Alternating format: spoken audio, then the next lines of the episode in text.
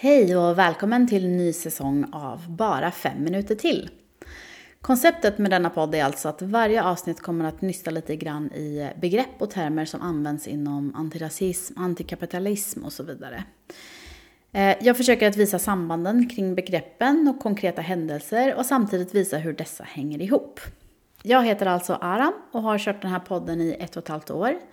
Hittills har jag pratat om eh, ja, rasism, kapitalism, militarism och feminism. Jag har även pratat om abolition, whitewashing, minoritetsstress, kolorism och mycket, mycket mer.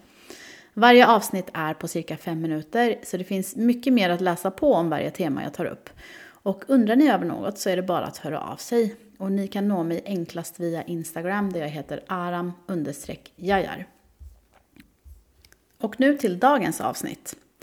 I säsong 1 så pratade jag om feminism och eh, nuddade då detta begrepp, men jag vill gärna prata lite mer om det i det här avsnittet. Idag vill jag alltså prata om intersektionalitet, eller det som ibland kallas för sociala skiktningar i eh, svenskan. Begreppet intersektionalitet myntades alltså av Kimberly Crenshaw i slutet av 80-talet i syfte om att visa utmaningarna som existerar för svarta kvinnor, där varken då feministisk teori eller teorier om ras och etnicitet räcker för analysen. I Sverige introduceras begreppet av Diana, Diana Molinari, Irene eh, Molina och Paulina de los Reyes som gav ut boken Maktens olika förklädnader i 2002. Och begreppet intersektionalitet eller social skiktning används alltså för att beteckna en systematisk ojämlikhet mellan olika grupper av människor inom samma samhälle. De flesta forskare verkar överens om att den sociala skiktningen varierar och förändras över tid och därför är det också svårt att dra exakt vad ett skikt definieras som. Vi kan börja med klass. Man kan säga att klassförhållanden grundas i arbetsdelningen och i materiella villkor om vad vi gör och vad vi har tillgång till. Ens klassförhållande definierar vilka risker vi utsätts för och vilka resurser vi har tillgång och förfogande över. Det finns klasskillnader i hälsa som konsekvens av att till exempel då tunga och farliga arbeten påverkar kroppen på andra sätt. Men hälsoskillnader eh, mellan klasser påverkas också av att den som har en svag hälsa har svårare att göra en klättring i lön och position. Det som man då kallar att göra karriär helt enkelt. Eh, resultatet av var du har din klasstillhörighet påverkar alltså dödlighet och sjuklighet. Och när det kommer till den sociala skiktningen eller eh, intersektionen mellan män och kvinnor så talar man alltså om könsojämlikhet eller könsskillnader. Här får man ha i åtanke att detta binära tänk är exkluderande av de personer som definierar sig som varken man eller kvinna. 1970-talet var tiden då ordet kön, eller gender, tog mer plats i diskussioner kring att de skillnader som vi ser mellan kvinnor och män inte endast har en biologisk grund utan att kön skapas socialt. Vi gör kön helt enkelt och görandet är kanske inte alltid ett aktivt val. I samhället idag, även i Sverige, så anses mannen vara norm och kvinnan avvikande från normen. Ett exempel på det är eh, till exempel hur det ser ut i vården. Eh, symptomen som vi lär oss inför att hjälpa någon med hjärt och lungräddning är ett sådant. Där vi alltså vet att symptomen kan se olika ut för män och kvinnor.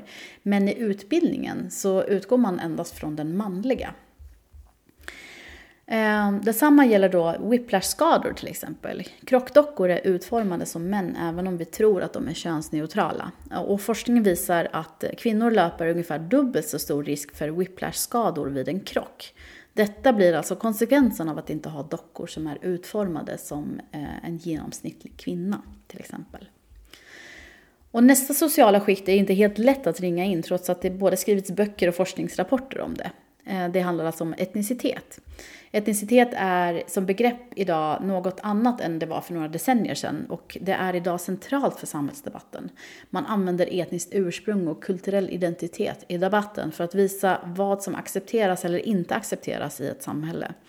Mm, man använder det som ett verktyg för att hitta den andra. Man skapar alltså ett vi och dem baserat på förtrycket som kommer med den rådande vithetsnormen. Man pratar till exempel om invandring och invandrare när man egentligen gör skillnad på vita och icke-vita.